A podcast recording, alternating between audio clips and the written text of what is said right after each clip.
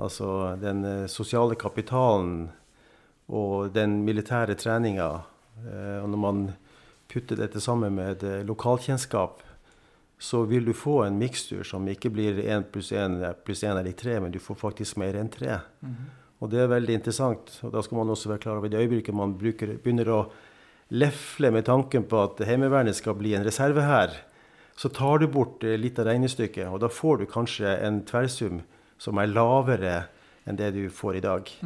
Så dette med, med lokal tilhørighet, og bruke de kapasitetene og de menneskene som er i organisasjonen, og koble det opp mot eh, lokalmiljøet, det er en veldig eh, eksplosiv, for å bruke sånt uttrykk, vikstur. Mm. Som er veldig bra.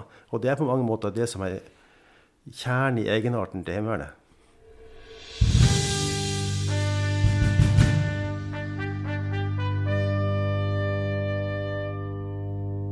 Du hører nå på Krigens krav, en podkast fra Heimevernssamfunnet.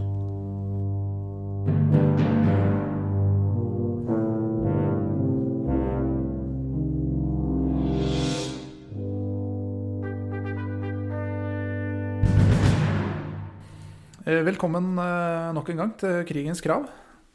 Eh, I dag sitter vi i Løkkeveien eh, 7 i Oslo, i lokalene til KOL, Krigsskoleutdanna offiserers landsforbund. Og eh, vi sitter her for å prate om eh, boka som kom ut i fjor i, i forbindelse med eh, 75-årsjubileet til Heimevernet. Boka 'Kortreist beredskap'. Og Derfor så har jeg fått med meg i studio eh, Carl Henrik eh, Fossmann og Ola Christensen. Velkommen, eh, begge to. Takk. Og tusen takk for at dere ville stille opp for å eh, dele tanker om eh, lederskap, og eh, i dette tilfellet da eh, historien vår, da. Fra 97 og fram til i dag. En viktig historie som har vært med på å forme Heimevernet på mange måter. Før vi setter i gang med å snakke om, om boka, så tenkte jeg at vi kunne eh, høre litt eh, om dere. Hvem dere er, og hvor dere kommer fra, og som, eh, hvordan dere endte opp med å, å skrive denne boka. Kanskje du kan begynne, Ola? Ja, 61 år gammel fra Sørlandets hovedstad Arendal. Har eh, bakgrunn som journalist, lærer. Også jobbet i mediebransjen, PR-bransjen. Og da noen år i Forsvaret, henholdsvis Luftforsvaret og Heimevernet. Og så er det jo sånn at jeg trådde mine militære barnesko i HV-ungdommen. I det som en gang het Arendal HV-område i Agder. HV-distrikt 07. Så du er eh, rett og slett en, en ekte heimevernsmann med bakgrunn både sivilt og militært eh, i Skjønn forening? Starta min eh, karriere i HV-ungdommen og avslutta yrkeslivet, eller alderdommen, da, i HV-staben. Og det var eh, gjennom det arbeidet at eh, Karl Henrik og jeg ble gode kollegaer. Karl Henrik, eh, hvor kommer du fra? Ja, jeg kommer fra Bjerkvik. Jeg er jo eldre enn eh, han som er forsvarssjef nå. Um, noen år. Uh, jeg hadde egentlig ikke noe særlig erfaring med Heimevernet fra Bjerkvik. Men faren min var ungdomsleder i Heimevernet. Men jeg var for ung til å bli med, så da reiste jeg hele sørover og begynte på Forsvarets gymnas eh, som 16-åring. Og siden så var jeg i Forsvaret. Så når jeg gikk av i 2020, da jeg var 60, så hadde jeg vel en eh, 43 år i Forsvaret, tenker jeg. Og i og med at jeg er pensjonert oberst, så har jeg vel kanskje vært innom de plassene jeg burde, sånn omtrent. Um, I Heimevernet så har jeg jo vært Eller jeg vil si jeg har vært, for jeg er fortsatt på en måte i Heimevernet. Da, så jeg har jo starta i HV-staben i 2008 som sjef for um, organisasjon og utdanning. Og så var jeg der til 2014, og så ble jeg sjef HV02. Og så holdt jeg på med det til um, jeg hadde sittet tida. Og så starta Ola og jeg med, med boka for litt over to år sia. Brukte knappe to år på å skrive boka. Og um, det er vel det. Og så får vi jo se om vi får flere bokprosjekt fremover. Så For de som lytter, de kan jo kanskje følge med. Det er jo ikke usannsynlig. Men jeg kan ikke si noe mer. Nei. Nei. Dere har jo blitt eh, nærmest som eh, Heimevernets eh, Asbjørnsen og Moe. Snakka vi om her i stad. Åssen har det vært å eh, samle stoff til boka? Ja, det altså um, Det har vært litt utfordrende i og med at vi har hatt en uh, covid-epidemi på, uh, på nakken, holdt jeg på å si. Men uh, vi har fått reist, men ikke reist så mye som vi hadde ønska oss. Men vi har fått uh, snakka med masse tidsvitner. Vi har hatt uh, endeløse intervjuer. Vi har vel intervjua nærmere 40 personer. Eh, vi har hatt tilgang til eh, kanskje det viktigste arkivmaterialet, og det er de gamle heimevernsbladene. Forsvaret er jo kanskje ikke verdensmester i å arkivere. Vi har kanskje blitt bedre etter hvert. Men vi har hatt bra tilgang der. Men så har vi hatt uh, veldig mange tidsvitner som har hjulpet oss med det. Altså, vi har, som jeg ser i boka, så er det en del av de som har skrevet uh, med sine egne ord hvordan de har opplevd uh, Heimevernet og utviklinga. Så det har vært eh, eh, en miks av levende mennesker og litt mer nedstøvde bøker som vi har brukt som utgangspunkt for, for skrivinga. Og det har vel fungert som brukbart, tenker jeg. Så har det jo vært artig også å jobbe med en uh, helstøpt og ekte offiser. Så han var vel av og til ja, Han måtte vel av og til dempe meg litt når den journalistiske iveren tok litt overhånd. fordi at en kan fort falle i både floskelgroper og andre. Men eh, det samarbeidet syns jeg har fungert veldig bra. Vi har jo sånn sjangermessig eh, ja, Det består av eh, faktatekster og redaksjonelle fritekster. For å skape litt dynamikk og litt forskjellig form i boka. Ja, nei, men altså For en offiser så er det veldig spennende å få lov til å, å samarbeide med, med en fagperson som kommer fra en litt annen eh, et sted. Og eh, offiserer er jo eh, dressert opp til fempunktsordrer og sånne type hjelpemidler. Når vi skal fra, liksom fravike litt av de faste normene, så er det veldig greit å ha en journalist som Ola sammen med meg. Fordi at eh, han har vært innom eh, mange forskjellige sjangre. Og eh, da blir det antagelig, hvis, hvis vi er flinke, så blir det en god miks ut av det, altså. Ja. Det går jo på det å, å komplementere hverandre og Ja. utfylle hverandre. Ja. Jeg har jo vært litt borti bokskriving for Forsvaret før. Blant annet så redigerte jeg Soldathåndboken i 1999. Ja, Men da var det en svær redaksjonskomité som jeg skulle forholde meg til. Men eh, denne gangen har vi gjort det litt omvendt. Da er vi to mann som eh, durer av gårde sammen. Uten å nødvendigvis forholde oss til noen voldsom redaksjonskomité. Hva er, sånn i litt større- eh, perspektiv, hva, er, hva har historien å si for eh, kulturen og lederskap og generelt det å være en del av en organisasjon, og i dette tilfellet da Heimevernet? Ja, når vi, eh, vi satte oss ned og skulle lage denne boka, fikk oppdraget, så spurte vi oss sjøl hva skal boka gjøre? Og en av de tinga vi Altså, vi, vi havna ned på, på flere ting. Men eh, vi ønsker å lage noe som for det første dokumenterer utviklinga av Heimevernet. Og så ønsker vi å lage en bok som eh, kunne være med å spre informasjon om Heimevernet. Både innad i Heimevernet og utad til våre samarbeidspartnere, og det er mange. Og så ønsker vi å få en bok som forhåpentligvis kunne gjøre oss litt stolt. da. Få litt sånn eh, korpsfølelse. Litt korpsånd. Eh, altså Heimevernet har det. Men iallfall få litt hjelp til en eh, etablering og vedlikehold av korpsånd med bruk av boka. Og så har vi, så vi for oss en, en, en, en, en sluttilstand der eh, en bok som er eh, lettlest, som også far i huset forstår. Og en bok som eh, man kan samles rundt. En bok som eh, har fine bilder. En bok som dekker hele landet. En bok som også dekker litt av våre venner i Sverige og Danmark.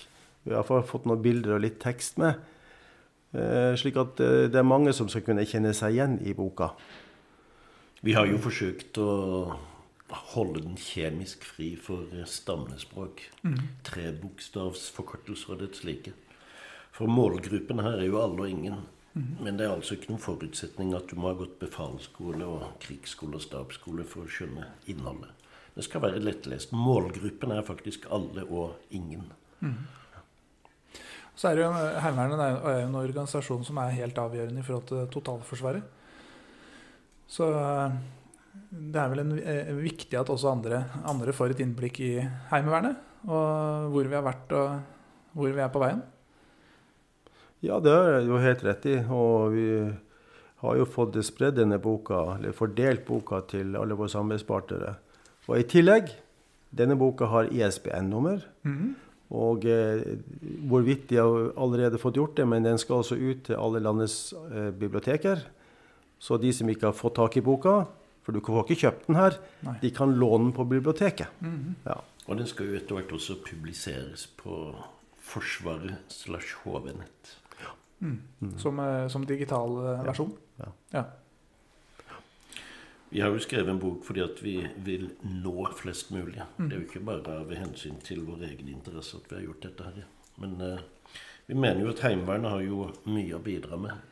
Og har vært en viktig, og er en viktig, og vil være en viktig del av norsk forsvarshistorie. Mm. Og så er det jo sånn at eh, verden går jo videre mens eh, vi skrev boka. Og vi ser jo at verden har gått videre etter at boka kom ut. Mhm. Og det er jo mm, hva skal jeg si, dessverre blitt veldig aktuelt i dag.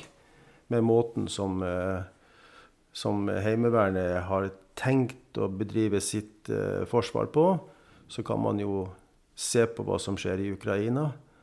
Og med veldig mange operasjoner som eh, vil jeg tro nyttiggjør seg den evnen som ligger i at vi har et, eh, en del av Forsvaret som er basert på eh, folket, og som er desentralisert, og som forstår og har midler til å gjøre noe med motstanderen. Mm. Så den har jo blitt ganske aktuell, denne kortreiste beredskapen. da. Mm. Ja, vi kan se det dag for dag nå på, Ja. eh, på nyhetene. Hvordan ukrainerne virkelig må grave eh, dypt. Ja.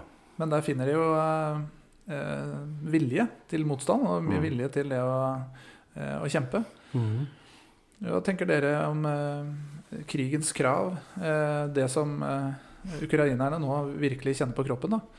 Eh, hva, hva krigen stiller av krav. Eh, har dere noen tanker om hva slags, eh, hva slags forberedelser eh, vi bør gjøre eh, på det personlige plan da, for å kunne møte krigens krav?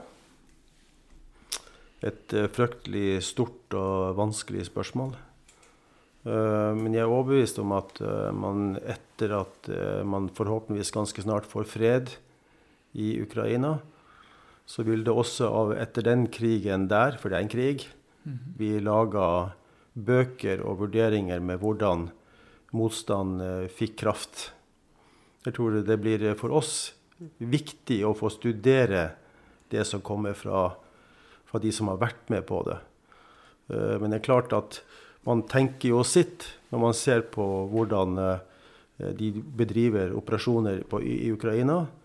Og med min erfaring så vil jeg jo si det at eh, mye av den treninga som vi gjør ute i Heimeverns-Norge i dag, både i, på lagsnivå og troppsforband og kanskje litt større, tror jeg er ganske riktig opp imot den måten man kan håndtere en, en annen type motstander. At man eh, kanskje for Heimevernet sin del, og alltid har gjort det, fraviker kravet om eh, evne til symmetrisk strid.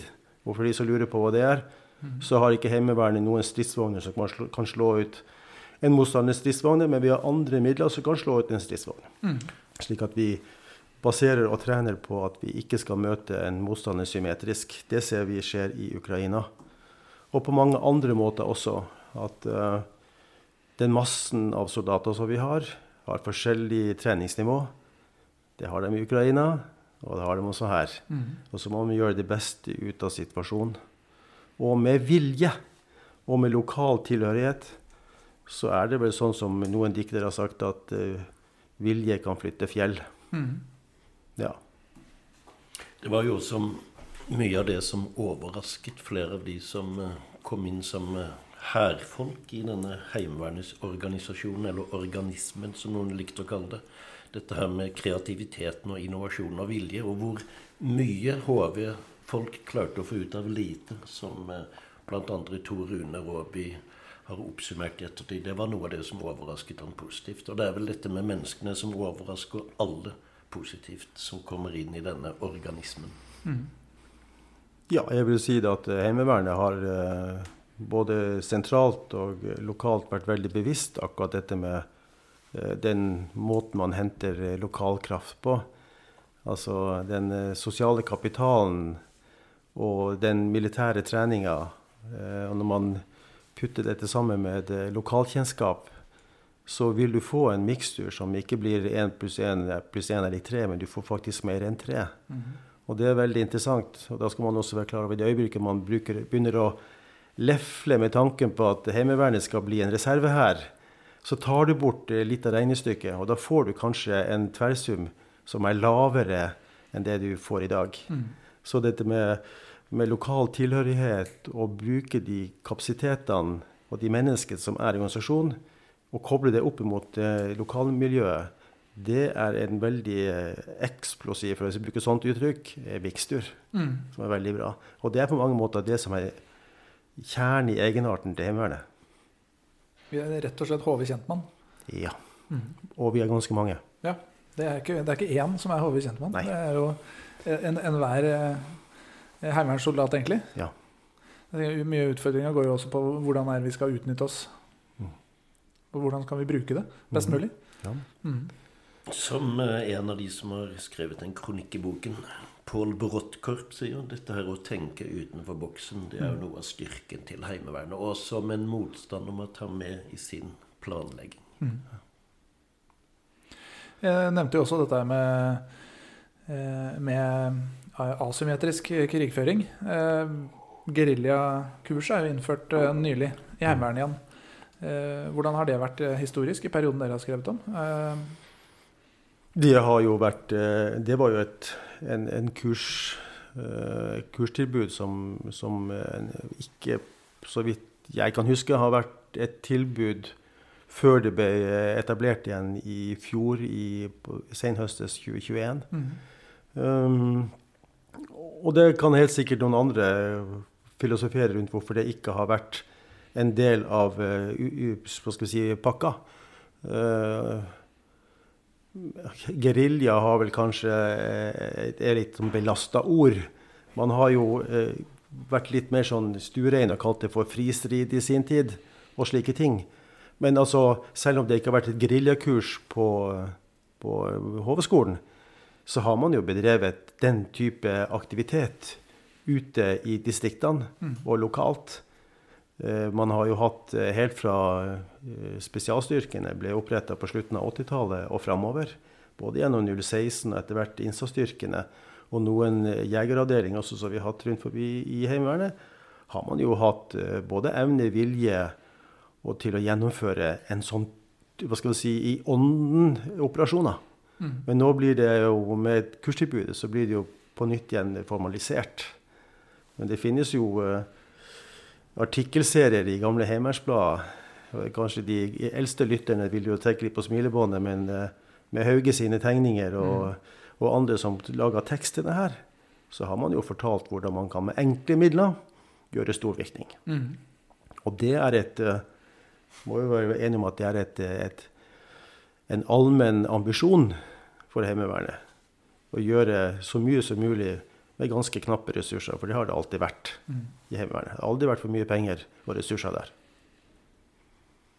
Det er jo en organisasjon som eh, ja, Årelating er vel et ord som har rent oss i huet av og til. Mm.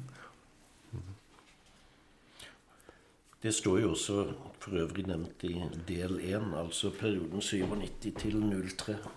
Generalinspektør Odd Frøyse Tangen han følte jo selv han hadde om ikke en håpløs kamp, så var det hele tiden det også nå opp, opp imot forsvarsgrenenes materiellanskaffelser. For eh, når bare luft hadde fått sine kampfly, Sjøforsvaret sine fregatter og hæren sitt artilleri, så skulle det bli Heimevernets tur. Men det ble aldri Heimevernets tur, sånn som han følte det. Nå skjedde det jo riktignok positive ting på materiellsida i Heimevernet også på 1990-tallet og tidlig 2000. Men eh, det var ofte en personlig bekledning det gikk på, ikke andre forhold. Så noen personlig bekledning er viktig nok. Mm. Men som Anna Dalen sa til oss, eh, det var en periode hvor altså folk møtte med sivilt regntøy og gummistøvler. Etter hvert så ble det ordentlig regntøy og fotpose, og det styrka selvfølgelig motivasjonen. Og man følte seg altså mer som en militær avdeling. Mm. Enkle ting, men med tanke på krigens krav motivasjon. Ja. Viljen. Viljen. Ja, det er jo eh, faktisk eh, Altså, det er jo et eh, vil jeg si, Nye uniformer, eller, eller bedre uniformer, er jo et, et veldig synlig signal fra storsamfunnet på at det du gjør, det setter, setter vi stor pris på. Mm. Og at du skal få så gode muligheter til å ikke bli skada eller overleve en trefning, det jo, må jo være et, et, krav for storsamfunnet. For det er faktisk eh, våre egne som skal ut og gjøre noe. Så gi dem best mulig sjanse til å, å, få gjort jobben, da. Mm. Så det, det, med at det kom nye uniformer, det var eh, det fortalt som Anardalen, som, eh, som, Ola refererte til. Det ble et oppsving som var eh, helt merkverdig stort oppsving. kanskje fikk Hæren eller andre nye, store, tunge plattformer. Men så fikk man nye marsjstøvler i Heimevernet, og det gjorde susen. Mm. man kan trekke litt på smilebåndet av det, men en, en, en, fattig organisasjon som Heimevernet alltid har vært, så er det de små tinga som, som man, man, er ikke kravstor, men få litt klapp på skuldra og få en ny uniform, sånn som de andre store har, mm. det har vært satt stor pris på. Så håper jeg fortsetter med det. Mm. Og så vet du jo at ting tar tid. Nå er det vel snart ut med AG3 etter x antall år i strukturen. Unnskyld, jeg leste jo en uh, artikkel i Forsvarsforum, den var vel fra 97-98, hvor det sto skissert at rundt 2020-2021 så ville vel kanskje Heimevernet ha gjennomført full omvæpning. Mm. Og det er godt innafor skyene. Det stemte. For nå har alle sammen fått noe annet. Ja. Nå er det på trappene med nytt eh, maskingevær. Ja. Så ting skjer, heldigvis. Ja. Og det er vel også da eh, i lys av det som skjer i, eh, i Ukraina, da. Ja. Ser hva som, eh, hvor, hvor, potent en organisasjon som Heimevernet faktisk kan være. Ja. Nytt sambandsmateriell har kommet de siste årene. Nye mm. kjøretøyer til innsatsstyrkene, noen andre har kommet. Eh, nye, bra uniformer. Fremdeles for lite beskyttelse, men eh, man skal nok få gjort jobben selv om ikke alt er på plass. Men det, det, det kommer mer enn drypp til Heimevernet. Mm. Så det har vært de siste ti årene har det vært en, en markant oppsving på kvaliteten på materiellet til Heimevernet. Det har det vært. Det handler vel også litt om å vise respekt for de som faktisk skal gjøre jobben. Eh, boka deres eh, spenner seg fra 1997 til eh, 2021. Eh, men så er det én spesiell periode som, eh, som, vi skal snakke om. Eh, hvilken periode er det, og hvorfor er den så viktig i Heimevernets utvikling fram til nå? Ja, altså Vi synes jo når man først skal velge ut et av temaene i boka, at eh, perioden fra 2003 til 2009 eh, var på mange måter en, sånn, eh, en periode som definerte Heimevernet også i dag. Og Da mener vi at det er viktig å snakke om det. Og, og, og det, det, er mange som snakker om kvalitetsreformen. Ja, den kom i den perioden der. Men eh, like, like, viktig som kvalitetsreformen var det vi kalte for kulturreformen. Som går på, på, verdier og etikken i det vi holder på med. Kom også i den perioden der, så det ble satt navn på det. Og det ble laget uh, ambisjoner både på papir og andre måter for å få på plass en, en, en, en uh, sameina kultur. Um, og så er det den tredje delen som vi syns er viktig. det er at vi nå har vi hatt eh, veldig markante sjefer i Heimevernet, med få unntak, helt fra 1945 og frem til i dag. Men vi fikk altså en sjef som, som var den som var eh, på mange måter eh, idémakeren. Eh, og kanskje litt av motoren for eh, den reformen som kom. Eh, Heimevernet hadde vel fram til den tida der vært gjennom det vi kaller for en inkrementell utvikling. Eh, Mens nå ble det nærmest en, en reformasjon. En revolusjon, vil kanskje mange si, men en reformasjon som, som kasta om på ting. Eh, Både organisasjonsmessig, utdanningsmessig og, helt tatt, eh, og satte navn på kulturbegrepet. Så, så 2003 til 2009, den perioden der, er noe som uh, Utviklinga de siste 25 årene snurrer rundt den perioden der. Det er, det er før 2003, og det er etter 2009. Mm. Gjerne sånn man kan sammenfatte. Så den er en viktig periode. Pengene strakk som sagt ikke til, og Bernt Iver Ferdinand Brovold hadde ønska da å redusere organisasjonen for å få mer samsvar mellom eh, organisasjonen og driftsutgiftene. Og det hadde jo vært sånn frem til 2003 at det hadde vært mange forsøk på å redusere Heimevernet. Eh, Det siste ordentlige trefninga i gåseøyne kan vi si var perioden frem til 495. Eh, og som utgangspunkt i Villøsing forsvarskommisjon, der man ønska å redusere Heimevernet. En på visa ble jo det at Heimevernet nærmest ble uforandra, mens det var eh, andre forsvarsgrener, og særlig Hæren, som tok tapene innenfor landforsvaret. Hvis skal sier tapene også i gåseøyne. Mens Heimevernet ikke ble forandra. Så man har jo på mange måter vært eh, over 80 000, 83 000 og hadde en 17-18 distrikter helt frem til 2003. Men når 2003 kom og man skulle skaffe penger, så var eh, Brovold overbevist om at ja, ja, får vi ikke penger utenfra, så må vi skaffe pengene sjøl. Og måten å skaffe pengene på, det er å faktisk å slanke organisasjonen. Fordi at det var så lite penger i utsikt at man risikerte å råtne på rot. Mm. Man fikk altså ikke trent, som er kanskje det viktigste for en organisasjon som Heimevernet. Så da gikk man inn, og så reduserte man. Og da var det en helt annen stemning i Heimevernet, for da kom eh, ambisjonen og ønsket om å redusere Heimevernet, det kom fra våre egne. Og motivasjonen var helt klar. Hvis vi ikke gjør det, så får vi ikke trent. Så da gikk man jo reduserte man jo over natta. vil jeg si sånn, Det er litt, litt popularisert uttrykk, men da gikk man jo ned med 33 000. Man fjerna jo mange distrikt. Så når de siste to distriktene gikk ned i 2008-2009, så var man nede på 11 distrikt. Man starta med eh, 18, vel. Mm. Og det er klart, det gikk jo ikke uten sverdslag, men da det var det den måten man Det, det var jo en eh, hva skal vi si, en, en ganske tøff periode, men man fikk til det fordi at man, det kom innenfra. Og her gikk jo Bernt Ivar i front selv ved å reise rundt i HV-Norge og forklare og begrunne hvorfor det var viktig å endre organisasjonen Heimevernet. Så jo da, du kan alltid ha en mann på toppen som skal utstede noen ordrer og skal reformere og omstille, men du må altså da også kunne kommunisere og forklare og begrunne dem som rammes. Og Bernt han eh, dro rundt på, om ikke signingsferd, så i hvert fall til Heimeverns-Norge og fortalte hvorfor dette var så viktig. Og hva ville resultatet bli om man ikke gjorde noe? Som eh, Carl Henrik sa, råtne på rot. Det var faktisk eh, ikke så langt unna. Nei, og da fikk man jo eh, Introduserte man jo eh, hva skal vi si, nye troppetyper. Så da kom vi innsatsstyrken inn etter hvert.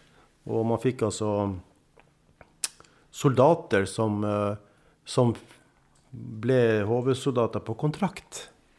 Og som fikk eh, litt kompensert for all den ekstra treninga som de hadde gjort før. Eh, gamle 016 gikk jo inn i førstninga inn i innsatsstyrkene. og Nå er jo de nedlagt i 2010-2011. Men så det her var man jo Laga man jo en spyd spiss av en atskillig større del av, av HV-organisasjonen man hadde før. Eh, Man fikk også en, en, en måte å se på hvordan man skulle esjelonere Heimevernet. Slik at man laga um, en oppfølgings- og forsterkningsstyrker og ga dem litt forskjellig trening og litt forskjellig, ut, eh, litt forskjellig utdanning. Det var jo nettopp fordi at selv om man reduserte til 50 000, så var det ennå ikke nok penger til å trene alle i henhold til heimevernsloven.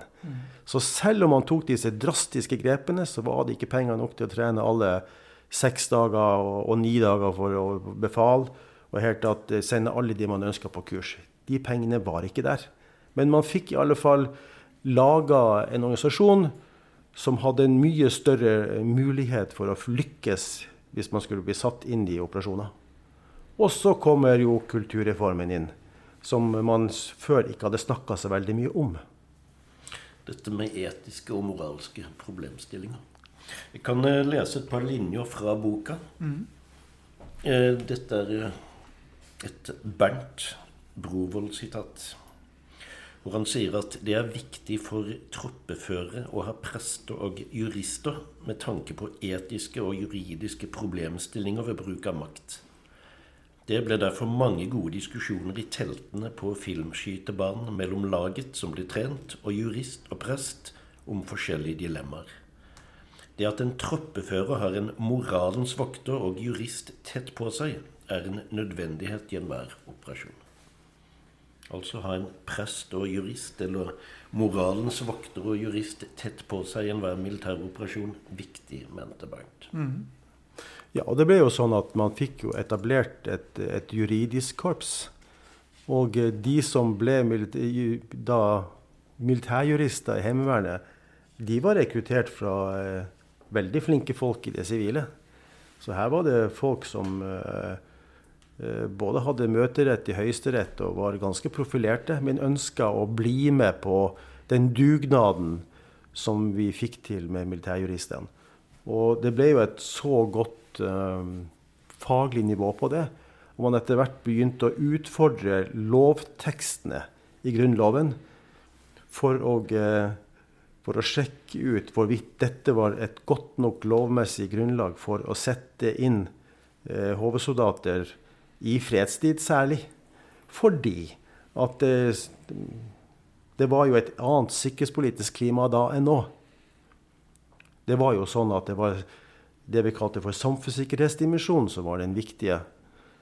Eh, den statssikkerhetsdimensjonen som kjennetegnes av eksistensielle kriser, den diskuterte vi ikke særlig på, på 2000-tallet.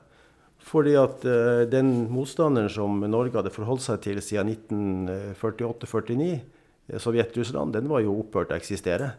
Og Russland de var uh, på mange måter sleit nok med å få stabla seg sjøl på beina. Så det var ingen sånn uh, en eksistensiell trussel, men det var samfunnskritiske utfordringer. Og nå kom jo terrorismen inn. Og en terrorisme det er jo ofte per definisjon noe som er en en politisak. Eh, og det skjer jo gjerne i et, i et miljø ikke, der det ikke er definert en krigstilstand. Mm. Og da måtte jo Heimevernet se på det juridiske grunnlaget for å bruke sine styrker. Slik at man gjennom den etableringa av juristkorpset i Heimevernet fikk altså faglig tyngde nok til å utfordre lovhjemlene, hvordan det fungerte.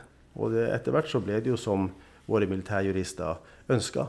Men det tok litt tid. Mm. Og så fikk vi på plass uh, et prestekorps, som også var svært viktig.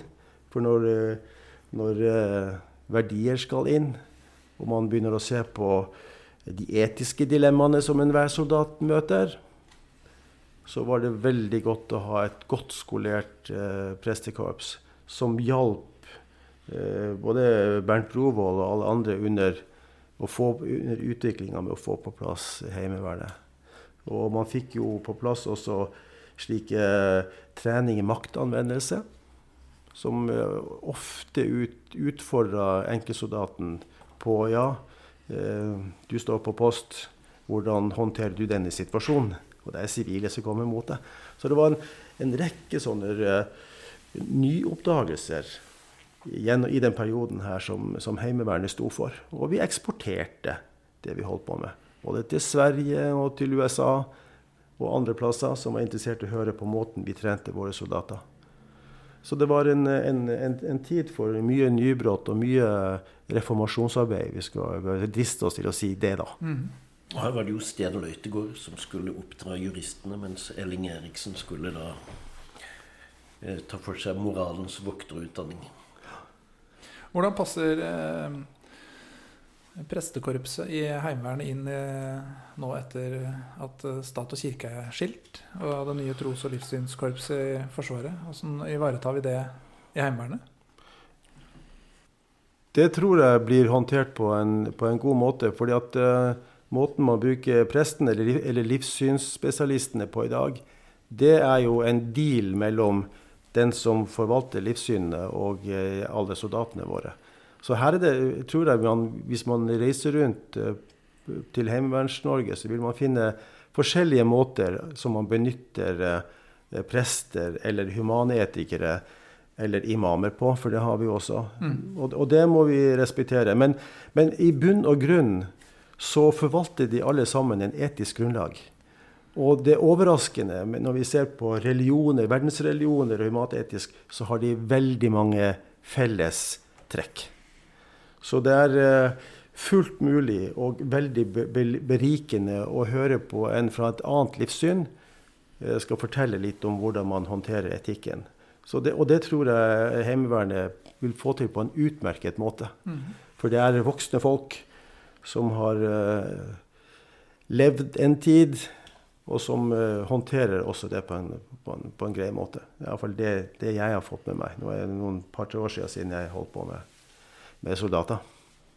Eh, jeg var jo sjøl i eh, Begynte i Heimevernet i 2005, i innsatsstyrken. Mm. Så jeg har jo vært med på eh, den spede begynnelse i forhold til holdninger, etikk, ledelse og det vi nå snakker om om det juridiske aspektet med juristene. Og trening i maktanvendelse og dette med refleksjon, bl.a. Og at feltprestene fikk en viktig rolle. Men da husker jeg gjorde meg noen tanker rundt det at eh, vi i, litt for stor grad outsourca eh, de eh, elementene til henholdsvis juristene og prestene. da. Og at kanskje sjefen ikke i stor nok grad tok inn over seg at det er faktisk noe vi som sjefer må, må ha et forhold til, og vi må snakke om. Ja, hvis det, hvis det, er et av krigens krav, så er det akkurat det at sjefen må faktisk ta ansvaret for nettopp det. Altså det som går på, på, etikk og maktanvendelse, det må vi eh, Det må komme fra, fra sjefen. Jeg må gjerne bruke støttespillere, det skal han gjøre. Eh, men, men hvis, man, hvis, man, skulle fokusert på noe med hensyn til å gi kompetanse til våre sjefer, så er det særlig kompetanse innenfor etikk og jussen, som er ofte litt vanskelig. og Derfor kan jeg jo forstå at noen sjefer, eh, når de føler seg litt usikre på det, gjerne skyver eh, fagpersonen foran seg. Men dette her som, som, er kanskje noe av det viktigste for en sjef, det er å vise at du duger og gjør så godt du kan. Men altså det med eksempelets makt. Mm. Og det, er, det her er en veldig eh, god arena for en sjef til å få over sitt budskap. Hvordan skal vi løse utfordringene? Hva gjelder? Eh, og, så, så, og det å måtte sitte på sidelinja og skolere en, en, livs, en livssynsspesialist eller en, en, jurist, som så skal opp på talerstolen eller i, og fortelle hva du egentlig mener, det er eh, et unødvendig filter. Mm. Så vil, hvis, for de som hører på, så er det kanskje noe av det som jeg har erfart gjennom 30-40 år i Forsvaret, det er det at sjefene må faktisk eh, møte opp. Eh, jeg ser altfor mange pressetalsmenn og andre som står og forteller det som en sjef skulle vært og sagt. For det gir troverdighet når sjefen kommer på banen. Mm. Og, så, og, I aller fleste tilfeller er sjefen mer enn kvalifisert nok til å fortelle hva som gjelder. Mm. Det er min erfaring. Sjefen viser vei. Ja. Så men det at uh, disse to temaene, da, for å kalle det det, ble brakt på bane, det var jo veldig viktig. Ja. I, eh, i utviklinga av det som har blitt til det heimevernet vi har nå, da. Og det jo, blir jo ytterligere underbygd av både eh, sjef Heimevernet og forsvarssjefen, som virkelig setter eh, ja. fokus på dette med verdier og holdninger. Ja. Det ville for øvrig være en unnlatelsessynd av undertegnede å ikke nevne dette med kommunikasjon, press og informasjon, siden mm. jeg selv har eh, litt bakgrunn derifra. Men eh, Brovold han var eh, særdeles glad i metaforer og bilder for å beskrive ulike roller. Og det var det fugleverdenen som eh, Brovold gikk til for å hente navn. Sånn at juristene, det var distriktets svarte ravner. Prestene var de hvite duene, og presse- og infooffiserene var uglene. Og presse- og infofolket de skulle bl.a. produsere de gode historiene. Både for å skape god både kommunikasjon og ikke minst i korpsene innad, men også da fortelle befolkningen utad hvorfor det var viktig og er viktig med et heimevern. Altså legitimere Heimevernets rolle. Men altså ravner, duer og ugler, det var eh, Brovolds navn på disse tre gruppene. Ja, vi hadde jo trykksaker der liksom, som hette De gode historiene. Eh, Og det var jo gjerne for at folk skulle få kjenne seg igjen da, i dagligdagse situasjoner. Og si at ja, men eh, det som vi forfekter her nå, det, det fungerer også i dagligdagse situasjoner like mye som det fungerer på stridsfeltet. Så det er sånn en, en del sånn allmenngyldige leveregler som man tar med seg.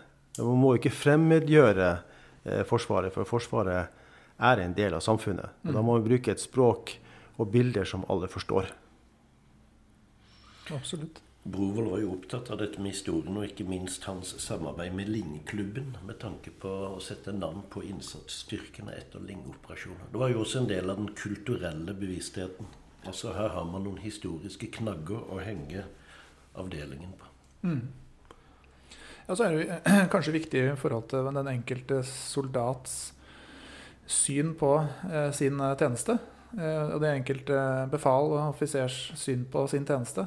Jeg har jo hørt uh, folk som har sagt at uh, 'jeg er jo bare HV-fenrik'. Eller 'jeg er jo bare eh, eh, HV-løytnant eller troppssjef'. Det er jo ikke noe som heter bare HV-fenrik eller HV-løytnant hvis vi kommer i en konflikt. Jeg går ut fra at det, det er ikke noen som sier at jeg er bare det ene eller det andre i Ukraina nå, f.eks. Eh, når det gjelder, så står man jo eh, side ved side. Og eh, det forventes jo ikke noe mindre av en, en som er utdanna Heimevernsveien, enn kall det krigsskole og eh, den veien. da. Nei, det har du helt rett i. Og det er jo gjerne sånn Det ser man jo på de, de gangene vi har plassert heimevernsfolk eller andre uniformerte ute i Oslo eller andre plasser i forbindelse med kriser. Hva det forventes av våre uniformerte. Det er ganske store krav. Og, til, til, og eh, fra samfunnet så får du da tilbake for det første at de blir beroliget og ser at eh, ja, her er Forsvaret på plass, Heimevernet på plass, og vi har kontroll. Og vi gir en eh, god versjon i kontakten med publikum av hva som skjer, og hvorfor vi gjør det vi gjør. Så det er ikke bare en fenrik eller bare en løytnant. De er svært viktige.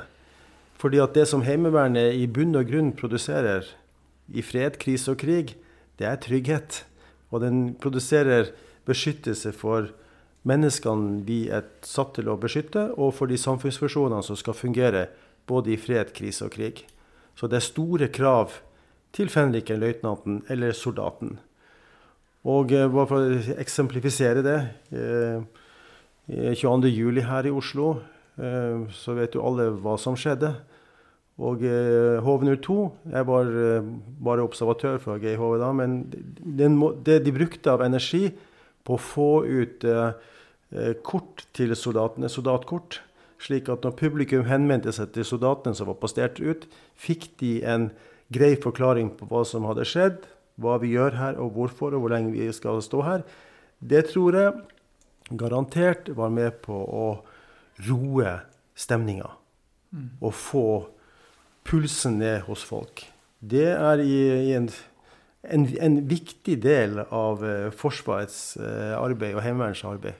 Det er faktisk det med å håndtere trygghetsaspektet. Og da, blir, og da er alle viktig. Og da er det jo viktig også at uh, faktisk befolkningen har sett og ser en HV-avdeling. Bl.a. synlighet i byene der folk bor. Mm. Sånn at de vet at ja, denne kortreiste beredskapen, de bor faktisk blant oss. Det kan være naboen din eller sønnen til naboen din, you name it. Så synlighet er også et viktig element i dette. Mm. Ja, og nå er det jo akkurat mens vi snakker, så er det jo HV-trening i byen. Og det er eh, HV02 som trener på en tre-fire plasser i byen her. Og det gjør man jo hvert år, men det er veldig viktig for det første at soldatene skal håndtere nærmiljøet. Men som også Ola var inne på, de skal fortelle hvorfor vi er her, og at vi har oppdrag her. For det er ingen hemmelighet at Heimevernet har oppdrag der mennesker er, der viktige samfunnsfunksjoner er. Eh, det var, litt, det var, noen år der Heimevernet trente på alt mulig slags rare oppdrag i skytefeltene. Det gjør vi i liten grad nå. Heimevernet trener på de oppdragene som de skal løse. Nettopp for å bli kjempegode, og for å fortelle at eh, tryggheten og oppdragene, det tar vi på alvor. Mm. Forsvaret må ikke bli et fremmedelement i samfunnet og gå overfor befolkningen, men tross alt være de naturlige vokterne blant oss i det daglige. Men det er vel kanskje åpenhet også et, eh, et stikkord? Ja. Og jeg, jeg syns eh, de dagene vi har, der vi får invitere inn gamle unge til å møte HV-soldatene Det er jo naboen du møter. Men altså det å fortelle hva vi holder på med og hvor vi er, ja, det er det som kjennetegner et åpent, demokratisk samfunn. Det er, eh, det er en, selvfølgelig er det i alle militære system noen hemmeligheter. Men eh, Det er nok en grunn til det. Men eh, vi, hvor vi er og hva vi skal gjøre, det er ingen hemmelighet. Nei. Åpenhet er alfa og omega. Ja. Og også en viktig bestanddel i uh, krigens krav og lederskap. Mm. Men også det er kanskje viktig at uh, soldaten som står uh, langst, lengst fremme, da, i, eh, i, landskapet. Der hvor ting faktisk skjer. Og så har en trygghet eh, på at en kan eh, faktisk fortelle om, om, det som skjer, og hvorfor vedkommende gjør den jobben den gjør. Ja, Det er jo sånn på et moderne stridsfelt. Nå skal jeg ikke ta frem noen teorier her, men altså det er antageligvis ikke lineært. Slik at en soldat som står på en veipost en eller annen plass, kan fort finne seg i å være en frontlinjesoldat. Mm. Og eh, som forsvarssjefen mange ganger har sagt, Eirik Kristoffersen, det at, og, mange generalinspektører også før han, det at den første stridskontakten mellom en motstander og det norske forsvaret ganske, ganske sikkert i mange tilfeller vil være en HV-soldat. Mm. Ja. Så da blir alle, alle HV-soldater er viktige. Alle i Forsvaret er viktige, og de har en jobb. Så det er ikke noe bare her det, det, må vi, det, må vi, ikke bruke. Nei. Nei. Og perioden dere nevner, den har jo også bidratt sterkt til at det, vi har beveget oss litt bort ifra den, at man bare er eh, en hovedsoldat. Eh, basert på de punktene som vi har snakka om nå. Mm. Er det noen andre ting som skjedde i perioden eh, 2003 til 2009 som det er verdt å snakke litt om her? dette med materiell, f.eks., så var hyllevare noe som Bernt Iver Ferdinand Brovold var opptatt av. Forsvaret skulle ikke drive så mye egenutvikling, og i hvert fall ikke Heimevernet, men eh, faktisk anskaffe systemer som funka. Og HK416 til innsatsstyrkene, det var et velført, velprøvd system som funka. Så hyllevare, det var viktig for Brovold. Mm. Og det siste eksempelet på det er vel sambandsutstyr til Heimevernet? Ja, det, det, det, det, er jo en lang kamp som endelig ble kronet med seier. Eh, det starta jo som et jaktradiokonsept, men det er jo ikke jaktradioer som Heimevernet har. Men det er i hvert fall kommersielle radioer. Og vi har fått, uh, fått i en sånn, en sånn, mengde at det kommer helt ned til laksnivå. Mm. Slik at man innenfor et område har et, et system som faktisk kan klare seg sjøl uten å måtte koble på andre. Eh, og det er jo et fantastisk eh, skritt framover. Eh, og det har jo vært det som har vært på høyest på ønskelista til Heimevernet i mange, mange år. Så at man i dag kan lede fra områdesjefen ned til den, nesten til den enkelte mann og kvinne hvis man ønsker det, det, det løfter Heimevernets stridsevne ufattelig mye. Mm. Og det er takket være utrettelig virksomhet fra viktige støttespillere, både innad i Heimevernet og utenfor Heimevernet, som har fått på plass det der. Så eh, det er noe som vi ikke snakkes så mye om, men som er fantastisk viktig. Man snakker gjerne om våpen og granater og alt mulig annet, men de, Radiosambandet til Heimevernet som vi har fått til nå, det er viktig. Jeg kan nesten ikke si det sterkt nok. Så er det jo også sånn i Heimevernet, det å være sjef Du setter i gang prosjekter, men det er ikke du som sjef som eh, får se når prosjektene, for ikke å si materielle, leveres. Eksempelvis Kristin Lund, stikkord logistikk og kjøretøy. Hun satte i gang dette, men det var jo henholdsvis eh, Tor Rune Råby og Erik Kristoffersen som kunne innfase dette, for å si det sånn. Mm. Så ting tar tid. Ja, det gjør det. Mm. Nå har vi snakka mye om eh, perioden 2008 2003 til 2009. Eh, er det noen andre eh, momenter som dere kunne tenkt dere å trekke fram fra boka? Ja, jeg tror vi skal trekke frem Rås utvalgsstrukturen. Fordi det eh, Det er jo fra, fra, det, fra politikerne som, som viste vilje til å etablere en Heimevernet som organisasjon, så var jo dette på mange måter et av virkemidlene for å skulle ha demokratisk kontroll over Heimevernet. Så råds- og utvalgsstrukturen eh, var jo på plass før Heimevernet ble etablert. Så de, vært, de, de, hadde jo vært i virksomhet i nesten et år før Heimevernet formelt ble, ble organisert. Og eh, opp gjennom tida så har eh, råds- og utvalgsstrukturen spilt eh, forskjellige ja, Ikke forskjellige roller, det er feil, men de har hatt forskjellig betydning.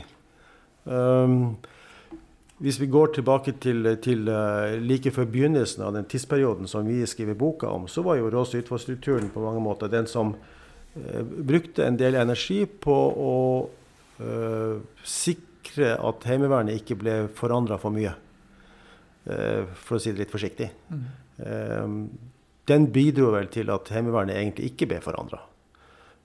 og da, som vi nevnte tidligere i, i, på intervjuet her, så når vi kom til uh, den perioden som vi har diskutert mest, fra 2003 utover, så blir jo utvalgsstrukturen en motor for forandring. Ja. Og fordi at uh, Heimevernet er en mangeslunget organisasjon. Og uh, Bernt Brovold benyttet og var veldig bevisst på at utvalgsstrukturen de måtte være samkjørte med han og resten av ledelsen i Heimevernet. Og da brukte man det, og da traff man alle der ute. Eh, for vi ser jo det at råds- og utvalgsstrukturen de bidro jo til at eh, reformasjonen, eller det gikk som det gjorde. At det ble et bra resultat. Og når vi liksom etter at vi var ferdig med 2009, så ser vi også det at råds- og utvalgsstrukturen er inne og, og eh, på mange måter bidrar til at Heimevernet som organisasjon består med de forutsetningene som man har hatt over ganske mange år med et desentralisert eh, fotavtrykk og med, med, verneplikt som grunnlag, og at man påser at man får uh, politikerne med på at det er viktig å gi penger til Heimevernet for å få trent. For, for råds- og utvalgsstrukturen er jo et direkte uh, har jo direkte og har i, i instruksen sin, og bruker den, har direkte kontakt med politikerne. Og, så, så jeg tror at det er jo farlig å ta for store ord i sin munn. Men hvis de ikke hadde hatt Råse utvalgsstrukturen, så hadde Heimevernet vært noe helt annet i dag enn det vi opplever at det er. Noen vil så godt hevde dette være eller ikke være? Ja, jeg tror faktisk det. For det har vært eh, i perioder der det virkelig har blåst, eh, har råse og utvalgsstrukturen vært svært viktig for eh, at Heimevernet har kommet seg videre. Eh, har vært et, eh, et, utrolig viktig hjelpemiddel for uh, støtteapparat for de enkelte generalinspektørene, som har hatt forskjellig erfaring med, med, hvor det har blåst mest. Så råser og utvalgsstrukturen i dag, også etter at den nye forsvarsloven kom på plass i 2016, vel, eh, står veldig trygt eh, og gjør en utmerket jobb. De er eh, akkurat nå i ferd med å reformeres, også de. Det blir en annen måte å organisere seg på. Men jeg er ganske sikker på at eh, det kommer til å bli bra, for dette er en måte som råds- og utvalgsstrukturen sjøl har ønsket å, å, bli framstilt. Og jeg tror at de kommer til å fortsette med å, å, spille en, en, viktig rolle for, for, Heimevernet. Og for Forsvaret òg, håper jeg. For uh, dette er jo uh, noen som taler Forsvarets sak, ikke bare Heimevernets sak. Både til politikere og til sine lokalmiljø. Så vi skal, vi skal vite og sette pris på, på, det apparatet der. Det har vært svært viktig. Og Landsrådet er jo da sammensatt av organisasjoner som teller flere millioner medlemmer. Holdt på å si langt flere enn det er Så. Ja, faktisk. Ja, ja, det er jo, De sier jo at det er seks millioner medlemmer, så Ja. i og med at vi er fem og en halv millioner, så er det noen som har dobbelt medlemskap. Godt gjort. Ja, godt gjort. Men det sier noe om eh, forankringa, da. Eh, og det at eh, rådsstrukturen er egentlig eh, limet da, mellom det sivile samfunnet og, og Forsvaret. Ja, det, er godt, det er et godt bilde på det. Ja. Mm. Det, er, det er folkets forsvar. ja. Mm. Nå har vi jo snakka mye om eh, eh, Som sagt, perioden eh, hvor Brovold var generalinspektør. Eh, det er mye andre spennende ting i boka. Eh, utover det så får vi kanskje bare eh, oppfordre folk til å faktisk lese den. Ja, det må de jo gjøre. Det, men det, det er jo sånn at den er jo trykt i 10 000 eksemplarer. Men eh, det blir nesten som for noen så blir det nesten som Den hellige ånd. Alle har, hørt, alle, alle har hørt om den, men ingen har sett den. Men det er jo sånn at eh, eh, Ja.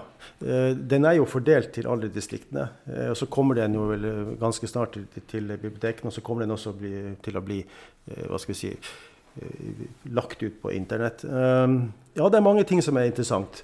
Eh, Man ser på f.eks. Eh, mottoet for Heimevernet, som eh, i Bernt Brovold sin tid var overalt alltid. Eller vernevokter virker. Og så, så ser vi det at eh, han overtok jo et heimevern der det var overalt alltid. Og i dag så er det da overalt alltid tilbake igjen som, eh, som motto for Heimevernet. Og så er det helt sikkert noen som eh, ut fra et filosofisk grunnlag gjerne må filosofere litt rundt det. Det er interessant å se. Eh, Det er også interessant å se på, ikke bare interessant og kanskje litt frustrerende, å se på utviklingen av grener av Heimevernet. F.eks. Sjøheimevernet Ja. og eh, Luftvernheimevernet. Der vi, disse er jo borte i dag. I boka så har vi valgt å ikke ta et oppgjør med beslutninger. Vi har eh, prøvd å være så objektiv som det helt hele tatt er mulig for eh, en, noen hovedmennesker som har skrevet boka. Men altså, det er vel verdt å ta en titt på, på akkurat det. Og så kan man jo filosofere litt rundt eh, hvilke behov som dukker opp i dag. Eh, F.eks. for Sjøheimevernet. Jeg sier ikke noe mer. Eh, og det er en del rekke andre ting også som vi har eh, eh, tatt opp i boka. Eh, 016 var jo en, eh, en vanskelig sak i 2010-2011. Eh, vi har bare beskrevet prosessen. Eh, det finnes også masterstudier som har eh, studert hva som skjedde osv. Vi vil i boka er det referert til noen, noe bakgrunnsmateriale. For de som ønsker å gå dypere inn i det, så finnes det henvisninger i boka til sånne ting. Det er veldig interessant å se på, mm. rett og slett. Ellers så har vi jo brukt veldig mye litteratur, egentlig. Jeg har lest mye bøker. Eh, noen av det, eller det er referert til det bak i boka. Um, mange har eh, skrevet både studier, masterstudier eh, om organisasjonsutvikling i Heimevernet, lederskapsutvikling, nedleggelse av 016 og andre ting som er vel verdt å studere videre. Vi, vi valgte rett og slett for kompleksitetens skyld og størrelsen på boka det at eh, vi fikk bare henvise til mye av det. Og så får den interesserte leser sjøl kanskje grave seg dypere. Det er mange muligheter her. Heimevernet har jo f.eks. også vært utenlands, bl.a. i Estland. Kullet fra Kongsvinger på altså befalskurset HVUB. De deltok med hele gjengen borte på øvelse Baltic Challenge i juli 1997. Og eh, markerte seg veldig positivt. Ja. De gjorde en glitrende jobb. De markerte seg som sagt positivt, og ikke minst eh, lokalbefolkningen i Estland. Sivilbefolkningen satte stor pris på at eh, Nato-landet Norge, også Nato-landet Norge, bidro. Ja men... Ellers har vi jo også eksportert eh, HV-kompetanse til Georgia, hvor Heimevernsdistriktene 08, Rogaland, nå Agder og Rogaland, har bidratt med instruktører i en årrekke. Afghanistan har vi jo også hatt folk i. Ja. På Bosnia hadde vi vel et eh, oppdrag, eh, et uh, liaison-team. Ja, vi har hatt, eh, ja, vi har hatt eh, også det i Afghanistan, eh, som, som nevnt her. Mm. Eh, og vi, som, vi, som vi nevnte tidligere, vi har esk, eh, eksportert eh, Bl.a. skytekinoen vår som vi brukte til trening i anvendelse i maktanvendelse. Både til Sverige og til USA. Så, så i den grad Heimevernet har en, en, et internasjonalt fotavtrykk, så er det et fotavtrykk også der, mm. faktisk. Så vi har, jeg vil si, i den perioden her har det skjedd mye interessant. Jeg vil våge å si det. Ja. Og så har vi litt om, eh, litt om kultur og idrett i boka. Heimevernet var jo eh, i alle fall på 90-tallet, på, slutt, på, slutten av 90-tallet, så selv da så var det eh, Heimevernet veldig mye engasjert i sport og idrett. Mm. Vi hadde jo egne lag, egne lag for skiskyting og, og, diverse idretter. I dag så er det veldig lite igjen av det. Det er jo fordi at det, pengene strekker jo ikke til. men Heimevernet driver jo fortsatt med skyteutvalget for Forsvaret, som er altså landslagene for pistol og rifle både på, for kvinner og menn. Det har Heimevernet og eller sjefen for Heimevernet har en veldig viktig rolle opp imot det. da. Det har vi skrevet litt om. Vi har skrevet litt om eh, musikk i Heimevernet. Heimevernet har jo sitt eget heimevernsmusikkorps, som tidligere var HV02 sitt musikkorps. Vi har hatt musikkorps i HV01 tidligere. Det var jo Sarpsborg Janitsjar. Og vi har hatt musikkorps både i Nord- og i Midt-Norge. Så det har vi prøvd å fått litt med. Men eh, som vi forstår, så har jo pengene vært rådende her, da. Så, så nå er det ett korps som får lov til å drive videre da, innenfor budsjettet. Mm. Så kulturbiten har vi tatt med oss. Og så har vi også en, uh, en, en, en et innlegg ja, fra en som uh, spør seg sjøl hvor ble det av militæridretten. Så det er vel kanskje en sånn uh, Det er et godt forsøk på å si fra om at militæridrett og kultur det er viktig for enhver en militær organisasjon. For oss som begynner å bli så eldre at vi liker å mimre på 70-, 80- og 90-tallet så stakk ofte heimevernspersonell av med både gull, sølv og bronser i diverse militære disipliner eksempelvis orientering. Mm. Så våre kvinner og menn har hevdet seg ganske godt opp igjennom, eller meget godt opp igjennom, også skyting. Ja, og det er jo en sak som, som vi merker oss at eh, nåværende forsvarssjef har jo introdusert eh, ferdighetsmerkene igjen for soldater. Eh, nå har ikke vi hatt en, en, et kollokvium der vi har diskutert hva vi mener om det. Men uh, jeg er iallfall overbevist om at det er ganske smart. Det er smart å ha noe å trene mot og de ferdighetsmerkene vi har, de berører jo helt grunnleggende ferdigheter innenfor det å være soldat. Og at soldaten da får lov til å mulighet til å trene og ta ferdighetsmerker og og med stolthet kan bære det på sin uniform, det syns iallfall jeg er kjempeflott.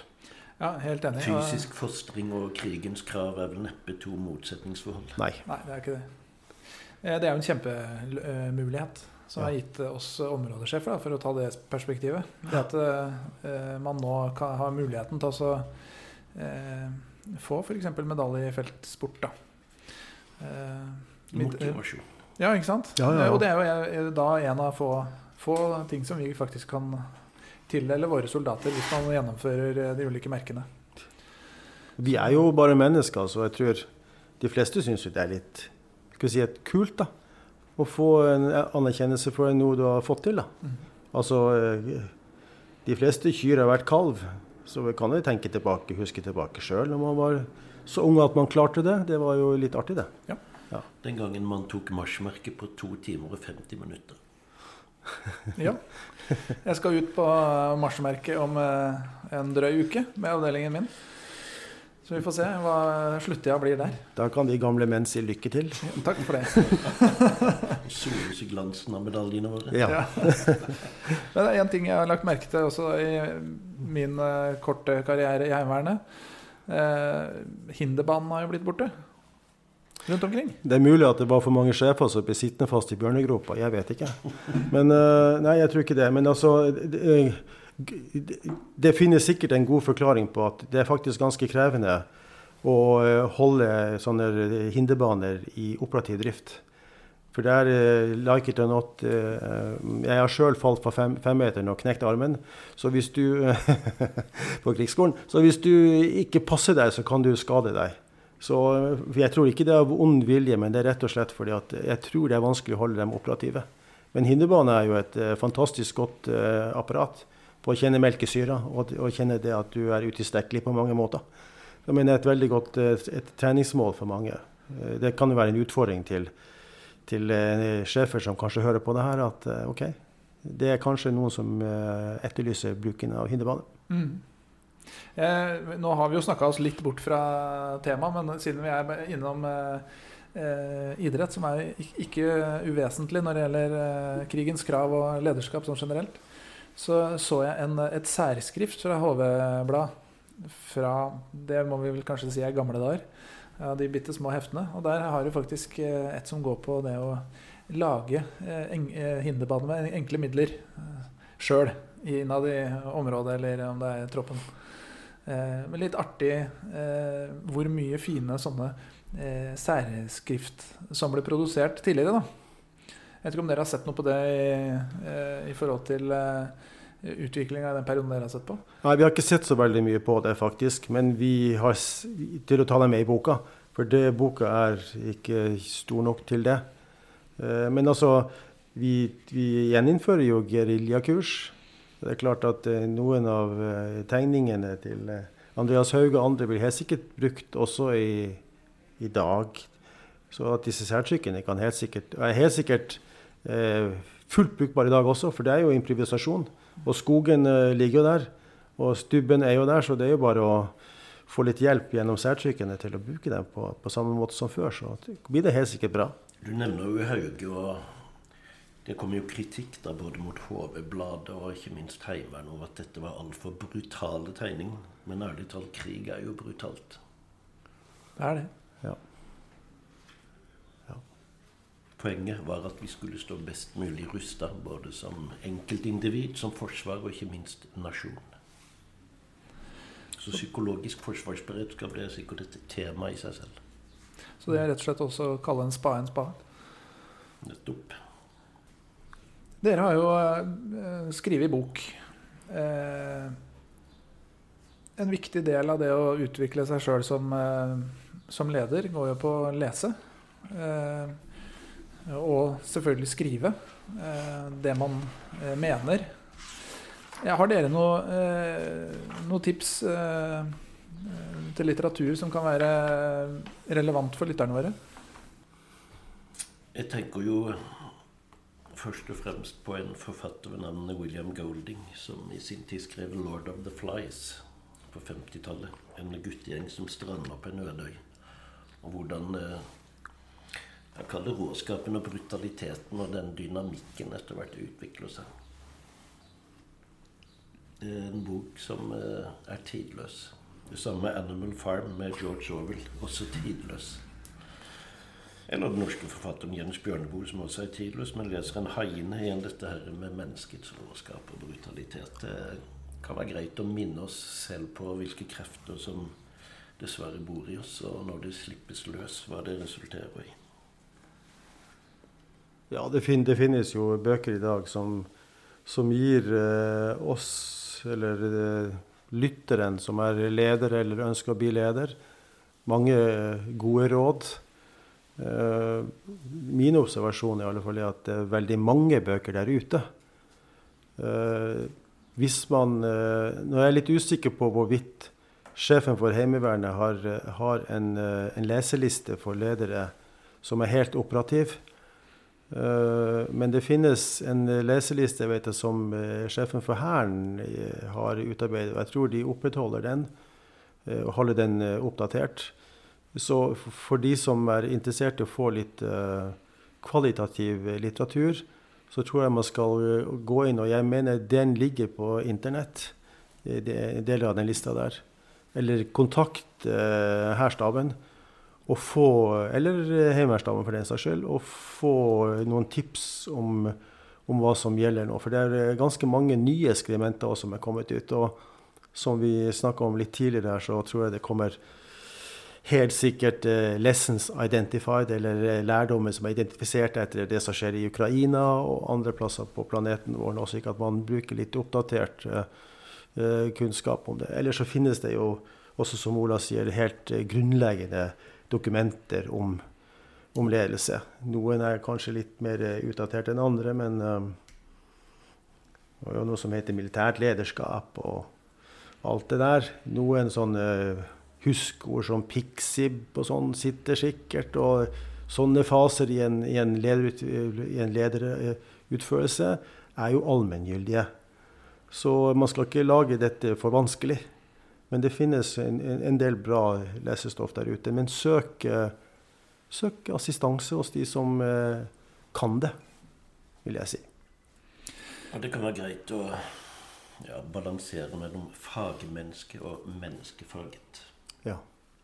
En fagbok som jeg sjøl ble anbefalt i sin tid, det var 'Håndbok i lederskap' i signert Luftforsvaret. Mm. Ja. Som faktisk er en holdt på å si klassiker.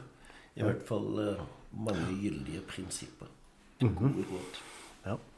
En lyseblå bok, håndbok i, i lederskap. Den er kjent. jeg husker ikke HFL-nummer eller hva det heter. Vi i Heimevernssamfunnet skal jo også etablere leseliste. Det er jo bl.a.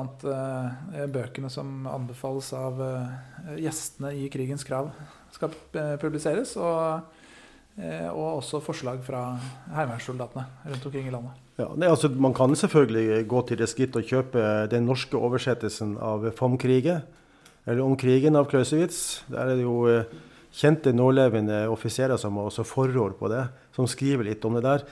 Og den blir jo for de som ønsker å gå litt dypere i det, for det er jo på mange måter også ganske gode filosofiske betraktninger rundt utfordringene med det å, å drive krig og spre død og ødeleggelse. Så det er jo en bok som jeg har bladd litt i, da.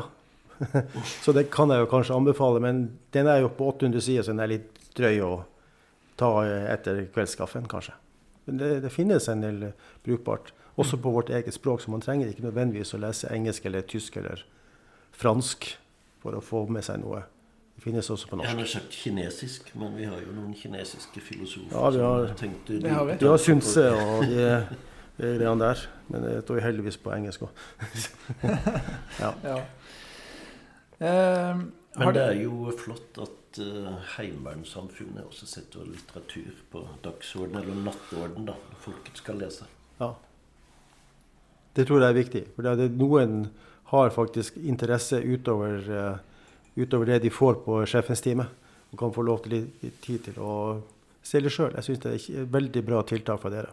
Hva ville våre, våre mødre eller våre mor ha sagt en del av dannelsesreisen og den kulturelle oppdragelsen? han er over 60, så han bare unnskylder han på det. Men han, han, har jo rett, da. Og han ved siden av meg er over 60, han også, så han har vel også rett, da. Ja, ja. Da sier vi det sånn. vi får støtte hverandre. Ja. Så lenge vi ikke bruker stokk. Ja. Men siden dere er, er fortsatt passert 60 på balkongen ja. i Muppet Show. Ja. ja. Men siden dere nå har eh, passert 60 begge to, da, eh, har dere kanskje noen tips til stridssekken? Til lederen i Heimevernet? Dette med psykologisk forsvarsberedskap er en viktig ting. Jeg tror det at du som leder skal ta luksusen med å bruke fem minutter for deg sjøl før du skal eh, fronte dine soldater for å fortelle dem hva de skal gjøre.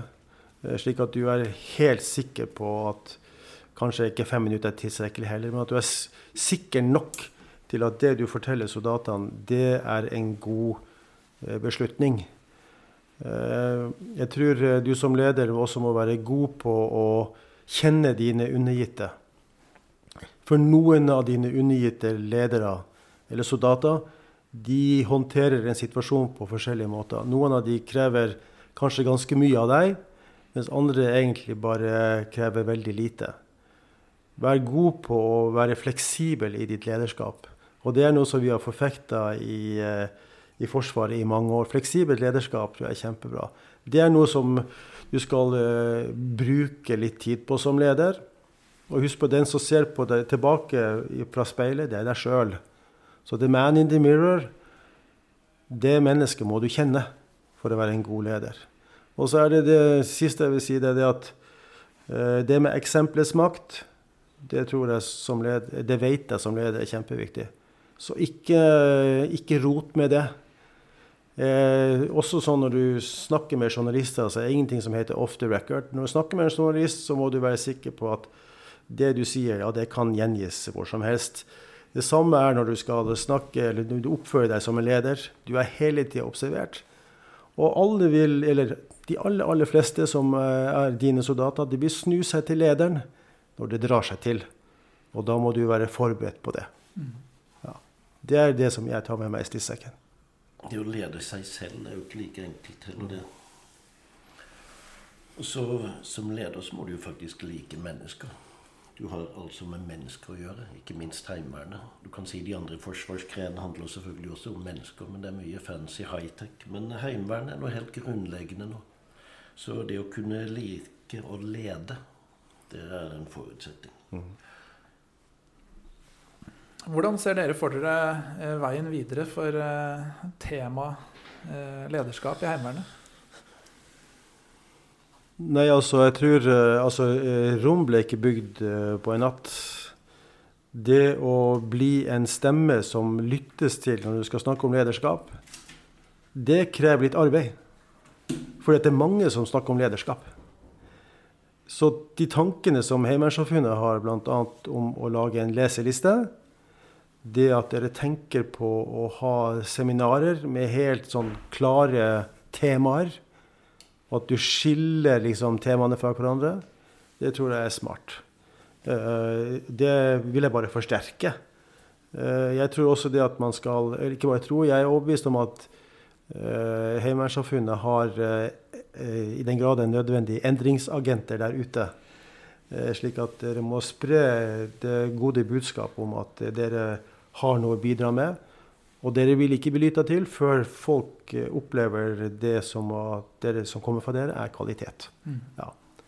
Og så kan man eh, eh, passe, på, passe seg for å ikke falle for fristelsen om at man skal bare legge andre begrep på noe som noen har snakka om før. Men jeg tror at dere er utmerket i stand til å tilpasse den skoen til foten som skal ha skoen på, fordi at dere er de som skal ut, bruke lederskapet sjøl. Så dere har jo en kjempegod eh, et, et utgangspunkt. For, det, for dette går jo på utvikling av dere sjøl. Og ikke, ikke, ikke salder mot det. Vær tro mot dere sjøl når dere skal utvikle eller hjelpe til med lederskapet der ute. Ikke fall for fristelsen til å ta alle mulige teoretikere til inntekt for det dere gjør, men uh, bruk, sett deres egne ord på det. Og bruk deres egne erfaringer. Den måten, på den måten så kan dere få suksess, tror jeg. I vår alder så liker i hvert fall jeg å gjenta meg selv, men igjen dette med litteratur som en viktig bestanddel i den kulturelle stridssekken, for å kalle det det, er vesentlig. Og da bør vi jo nevne han som skrev eh, om de første 50 årene av Heimevernet, nemlig Carl H. Brox. Ja. Denne boka her er jo en forlengelse av historien. Det er ikke noen repetisjon av det som han skrev. Og så er den skrevet på selvfølgelig forskjellige måter. Men eh, skal vi vite hvor vi går, så må vi også vite hvor vi kommer fra. For hvis du ikke vet hvor du skal, så kommer du dit. Det er ganske sikkert. Og det er ikke sikkert du ønsker å være der. Det er som den uh, klassiske forklaringa på en st- tostabsoffiserer som møtes. Det er en kar som kommer i en ballong, det er masse tåke. Og roper ned for at han er i ferd med å lande. Så ser han to som står nedpå der, og så spør han hvor er jeg nå? De ser opp på han og sier ja, du er jo der. Ja. Og det er jo helt korrekt, men det sier altså ingenting. Så uh, vær, uh, vær gode på å definere hvor man skal, og hvorfor man skal dit. Og så ligger den overordnede forretningsideen. Den ligger jo fast uansett. Den kortreiste beredskapen. Tusen takk for at dere stilte opp i Krigens krav. Det var bare hyggelig. Nå skal vi tilbake til freden. Selv takk. Ja, selv takk. Og lykke til med Jeg holdt på å si ikke misjoneringen, men visjoneringen. Ja. Tusen takk for det.